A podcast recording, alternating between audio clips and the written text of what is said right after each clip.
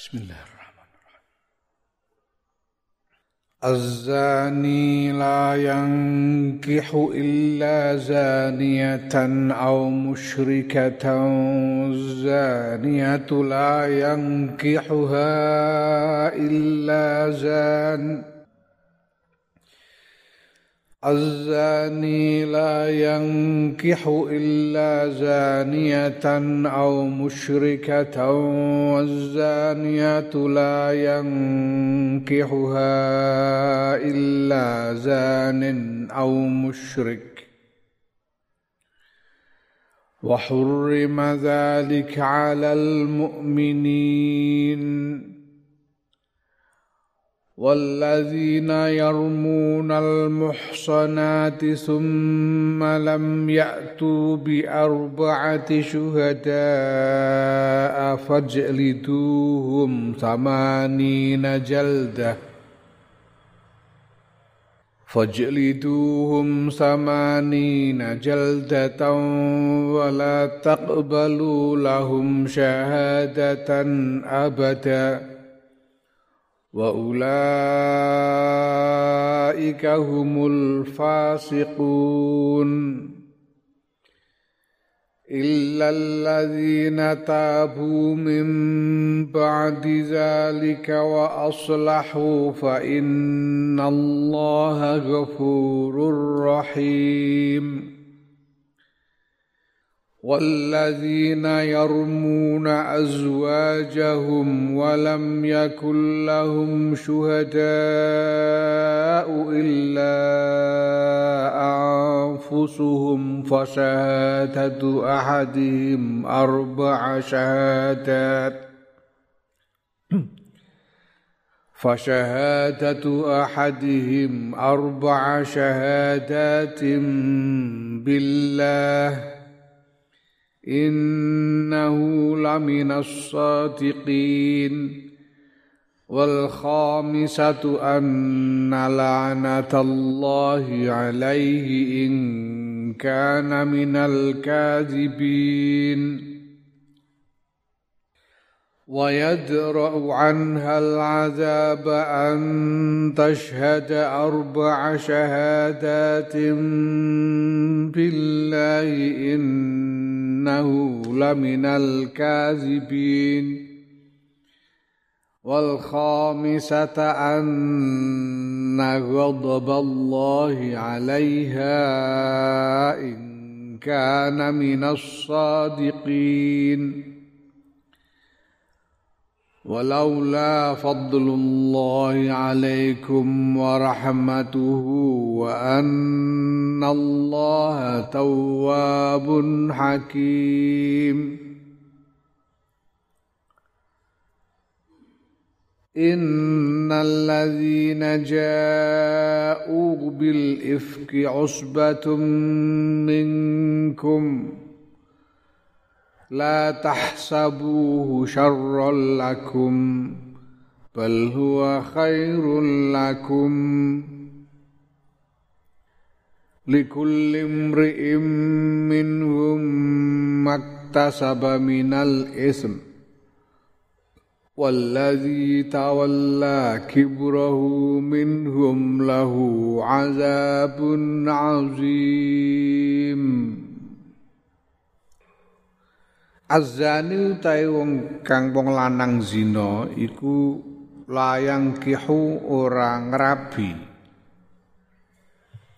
Ora menikahi sapa azani ayatazawwaju kerabeni. Illa zaniatan kejaba ing wong wadon zina au musyrikatan utawa wong musyrik wadon musyrik.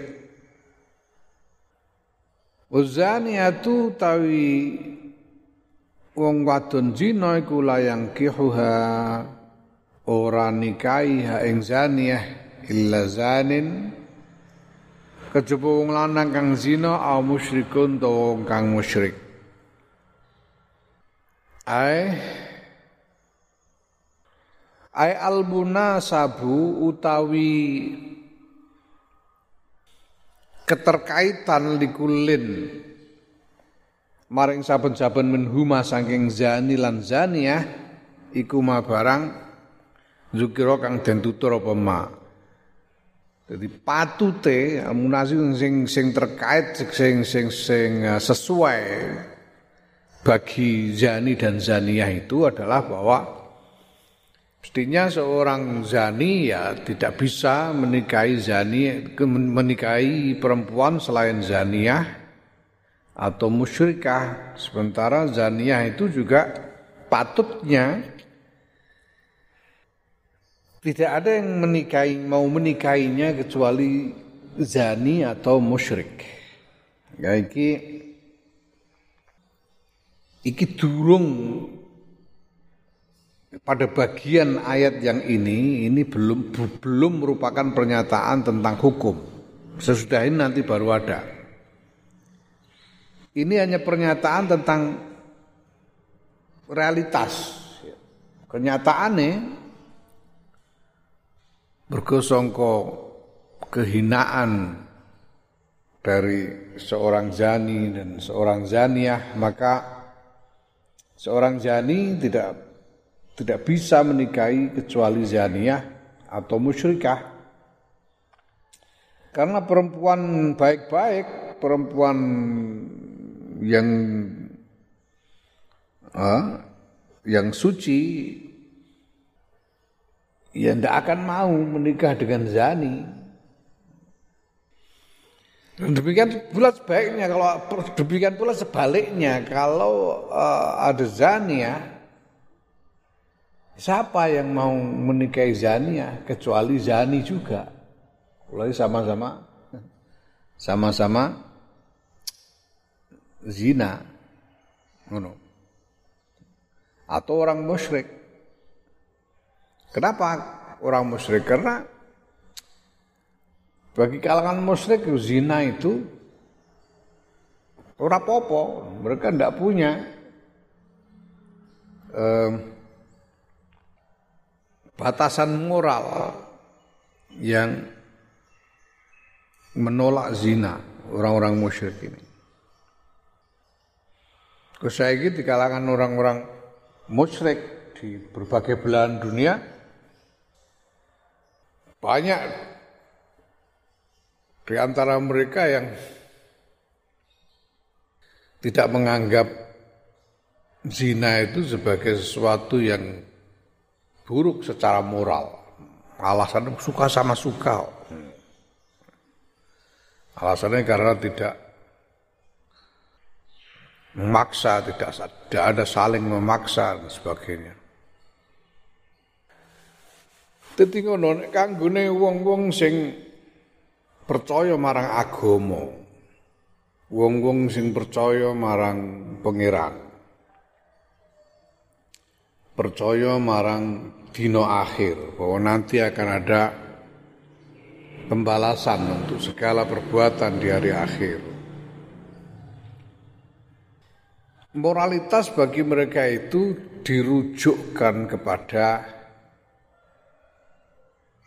apa yang dianggap sebagai ketentuan Tuhan tentang apa yang boleh dan apa yang tidak boleh. Itu Tuhan yang menentukan bagi orang yang percaya kepada Tuhan.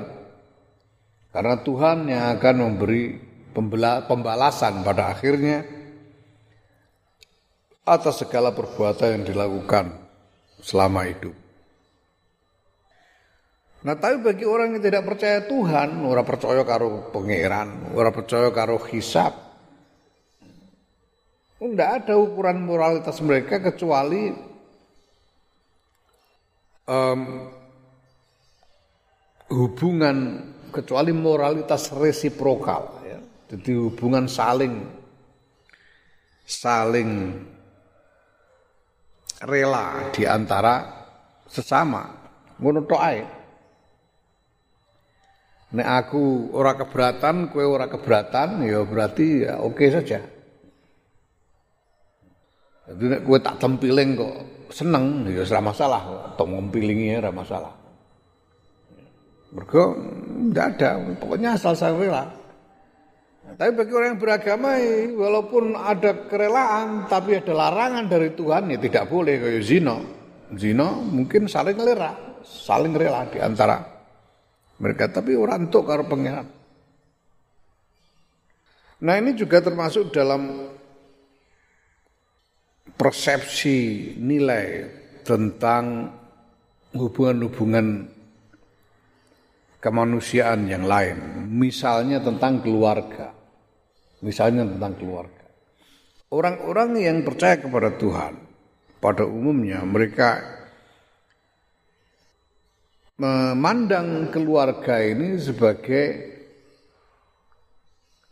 lembaga yang harus direstui oleh Tuhan. Ngono. Rabi barang itu mesti ono apa jenenge tata cara keagamaan. Setiap agama itu punya tata cara tentang pernikahan. Karena ada persepsi bahwa keluarga yang dibentuk ini seharusnya adalah sesuatu yang direstui oleh Tuhan.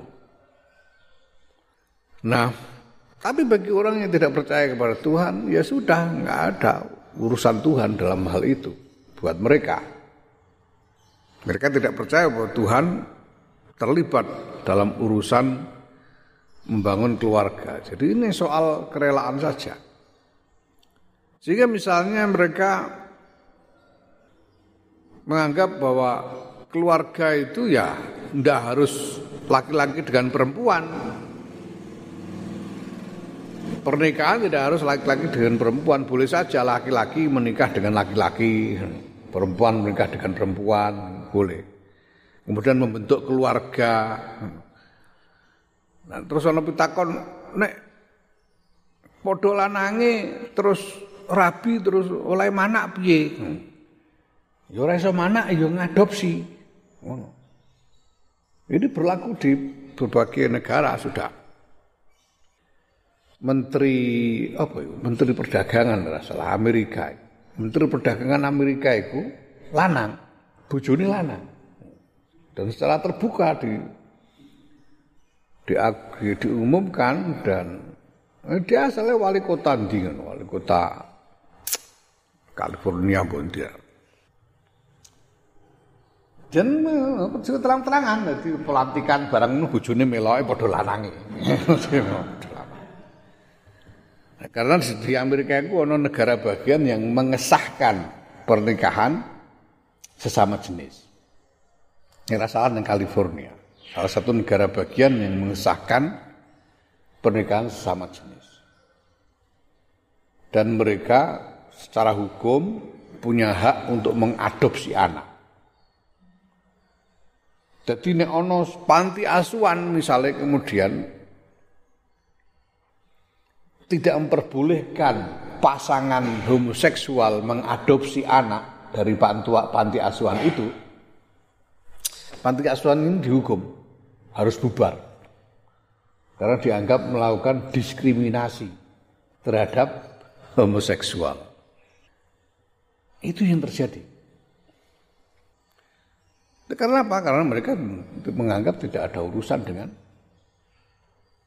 Tuhan pancen ora percaya karo pangeran. Nah, ini bisa berakibat nah, karena mereka tidak percaya pada Tuhan, tidak percaya bahwa hubungan seksual ini sesuatu yang terkait dengan moralitas ketuhanan, maka mereka menganggap segala-galanya boleh. Ono ono LGBTQ. L lesbian, G iku gay, lesbian niku wedok apa wedok. Uh, G iku gay, gay iku lanang padha lanang. B iku biseksual. Biseksual iku karo karo padha lanange gelem, karo padha wedoke gelem, lanang wedok ya gelem, wis apa ae gelem. Eh? Cara mono ngono, ya pitik gelem pedo ya doyan iku biseksual. T iku transseksual. Transseksual iku wong sing asale lanang sunati pok terus dadi wedok. Utawa sebalike wong wedok eh Sekolah turah-turan daging konti. Dadi lanang. Iku transseksual. Q, Q itu koyok kode mereka. Q itu kode untuk kalangan mereka ini. Jadi mereka menuntut ini dari gerakan internasional, gerakan global luar biasa dengan kekuatan politik yang juga luar biasa kuat, kuat pak, secara politik, secara politik kuat pak. Neng Swedia itu kalau ada pendeta Kristen berkhutbah di gereja, berkhutbah di gereja ini padha karo kowe ngaji ngene iki utawa khutbah Jumatan. Karena pendeta Kristen berkhutbah di gereja mengecam homoseksualitas, homoseksualisme dihukum. Dianggap melakukan persekusi terhadap kaum homoseksual dihukum. Jadi khutbah nerangno kaum Nabi Lot dihukum. Mereka dianggap melanggar apa melakukan diskriminasi terhadap homoseksual. Neng negara bagian Amerika, neng California, eh, neng Virginia nih salah. Lalian. Ono tukang gawe roti, bakery. Itu kan gawe roti. Eh. Dan ini kan tradisinya uang nek rabi terus gawe kue tart. Ya kan? Gawe kue tart untuk apa jenenge? Ia merasakan pernikahan mereka. Nah, iki ana pasangan homoseksual arep rabi.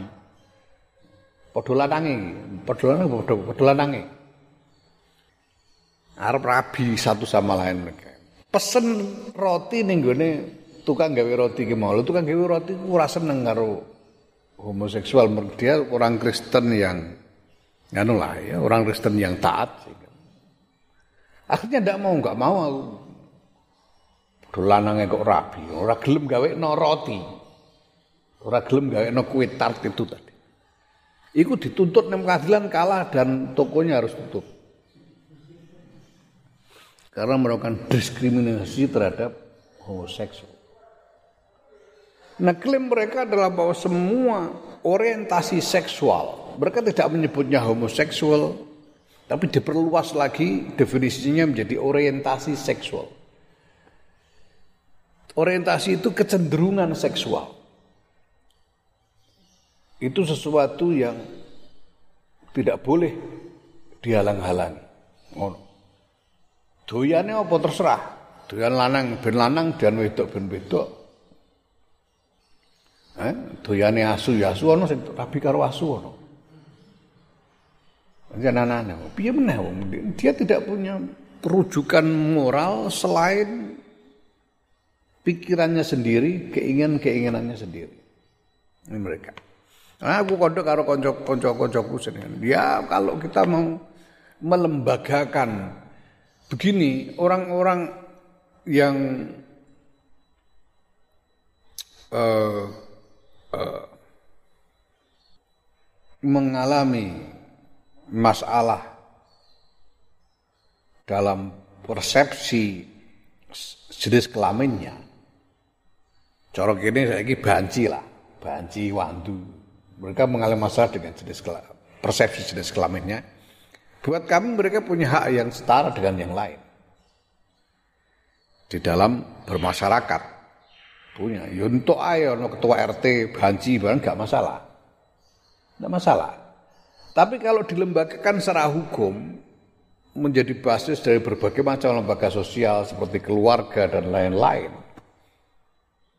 Perkawinan.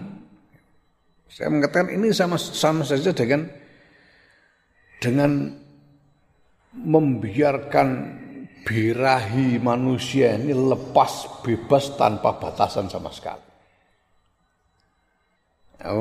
This means unleashing all the lust of human being.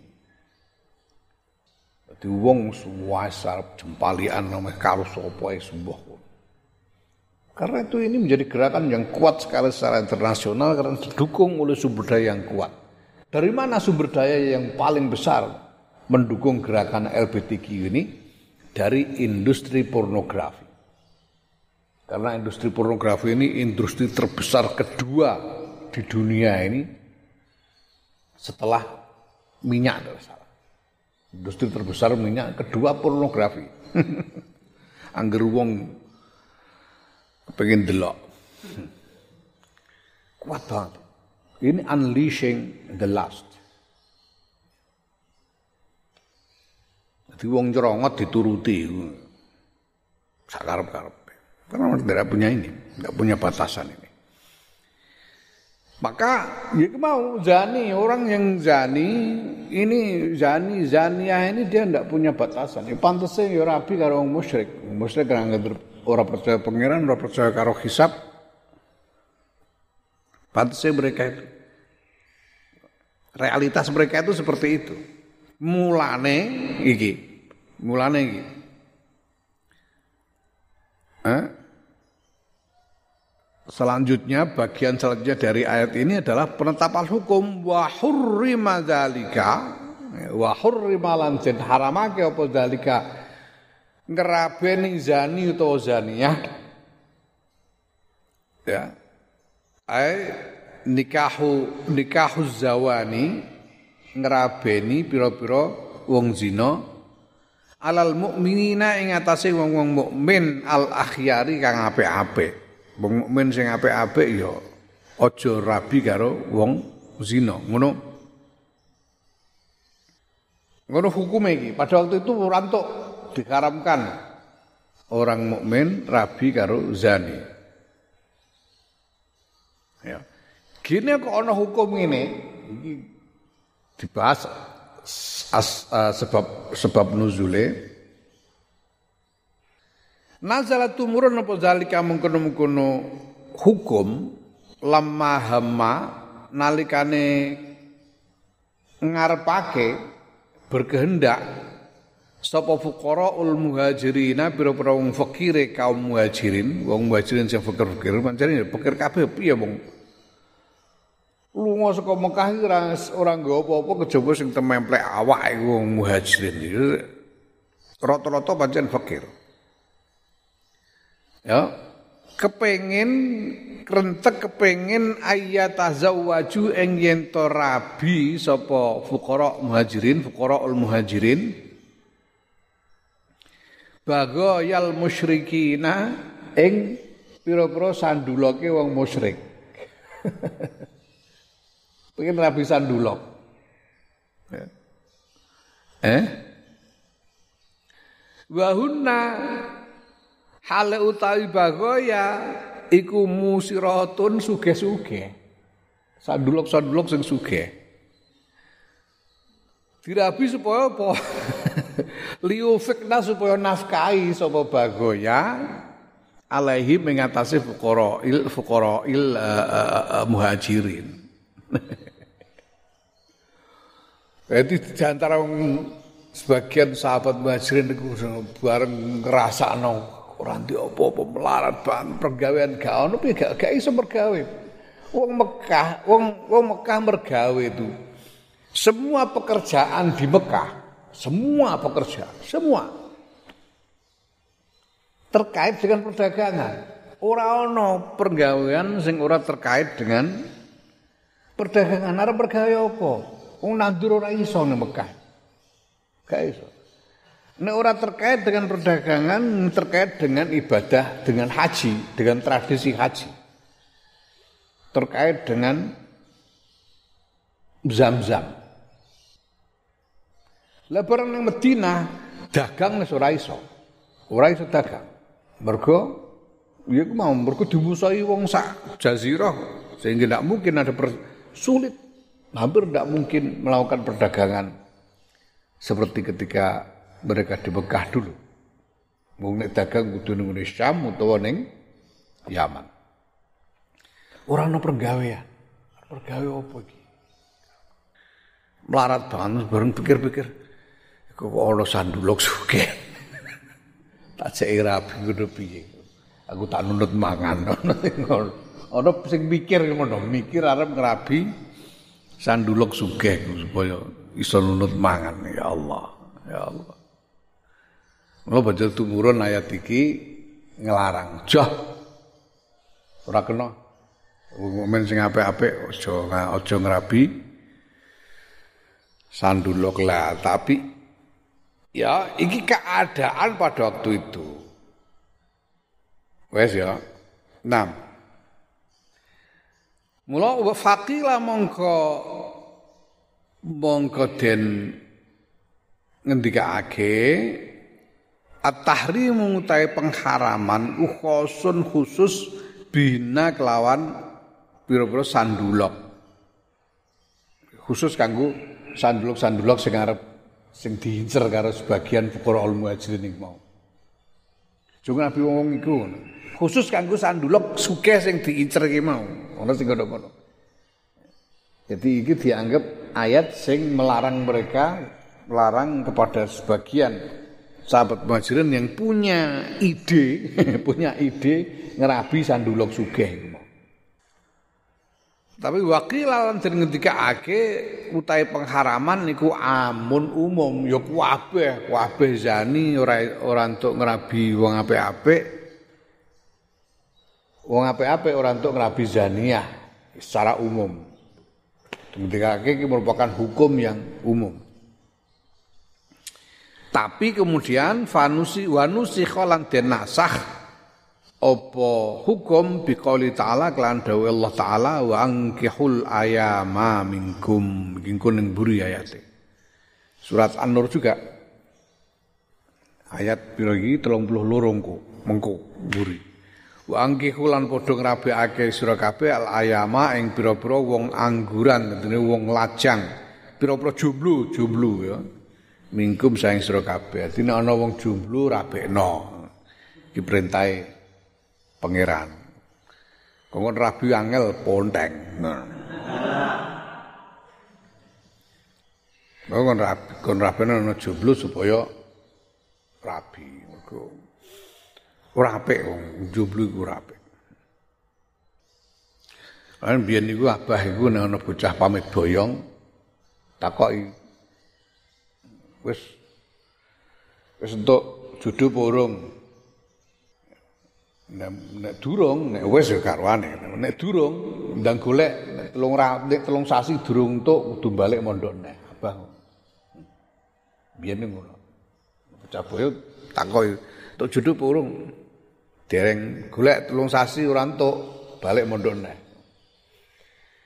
ya mergo akeh bahayane wong jomblo ora kegiatan orang orang di kegiatan ngaji maksudnya iku akeh bahayane. Pemerintah terus bergawe duit duit jomblo. Wah bahaya iku. Bahaya. Ya.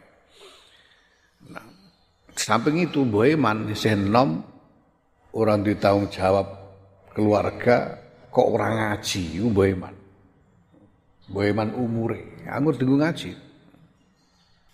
Kayu karuan nek payu ya rabi nek ora ya piye meneh. Ya ngaji terus.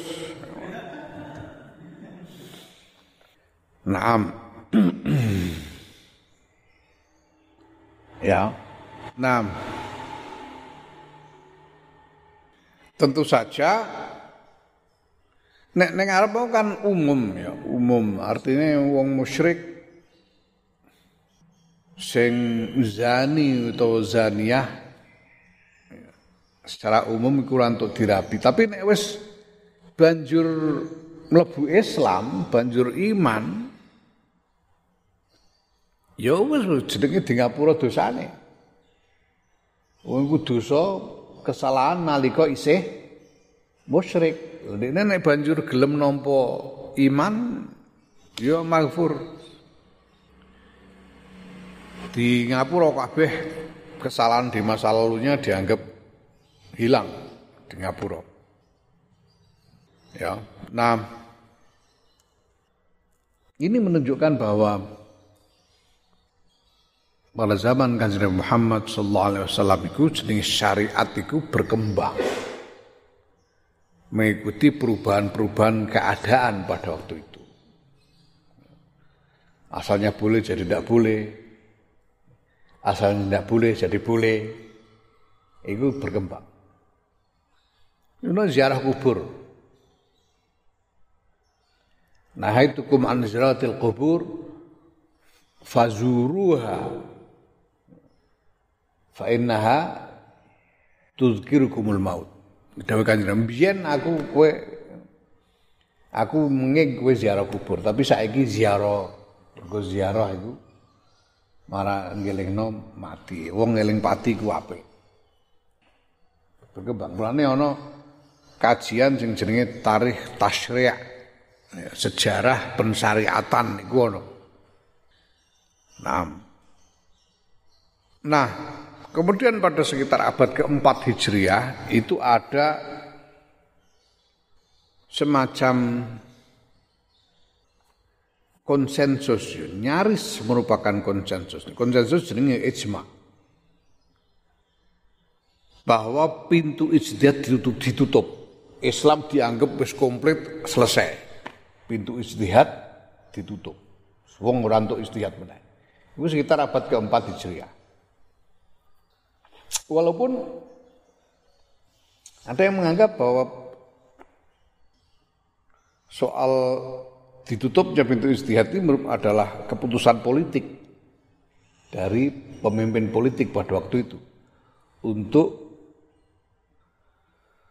mempertahankan ketertiban umum mempertahankan ketertiban umum sojo istihad dewi-dewi dianggap tutup apa sing ana iku wae usah istihad neh. Untuk mempertahankan ketertiban umum. Mergo nek wong istihad terus engko macam-macam berubah-ubah pikirane karena pada waktu itu belum ada mekanisme untuk menetapkan hukum negara. Sing hukum iki syariat, syariat iku turu apa jenenge penjabarannya ada pada fikih, fikih itu hasil istihad, sing untuk istihad mustahid, sekitar abad keempat dianggap tertutup. Surah istiqat nah. Nah, tapi pada tahun 1989 Nahdlatul Ulama neng Muktamar Jogja Tamar ke-28 di Jogja 1989 di Pondok Rapia. Aku panitia. NU menyatakan bahwa fikih harus dikontekstualisasikan dengan perkembangan zaman. Pertama menyatakan bahwa Nahdlatul Ulama bermadhab secara manhaji bukan kauli. Artinya apa? Nahdlatul Ulama ini mengikuti madhab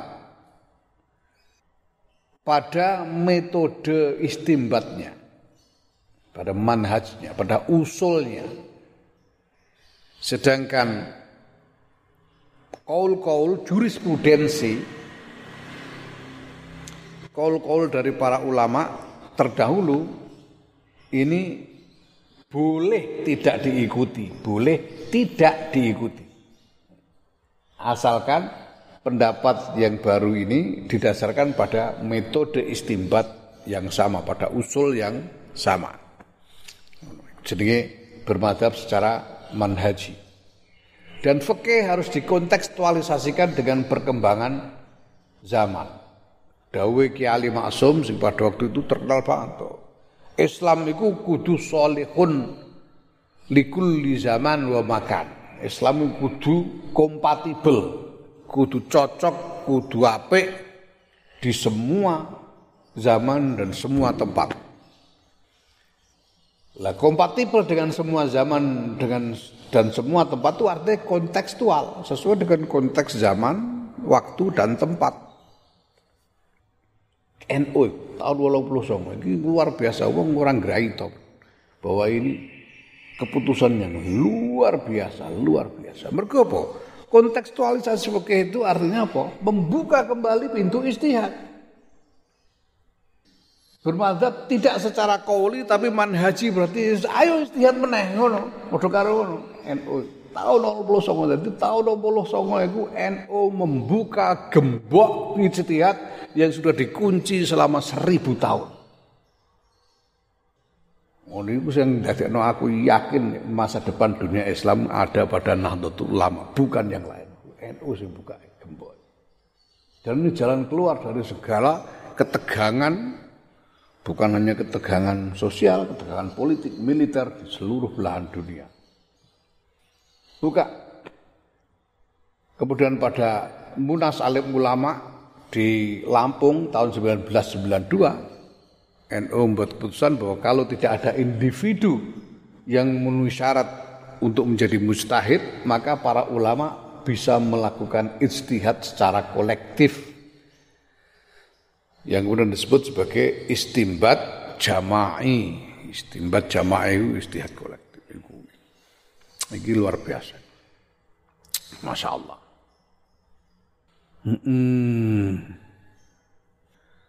نعم والذين يرمون المحصنات الله أعلم.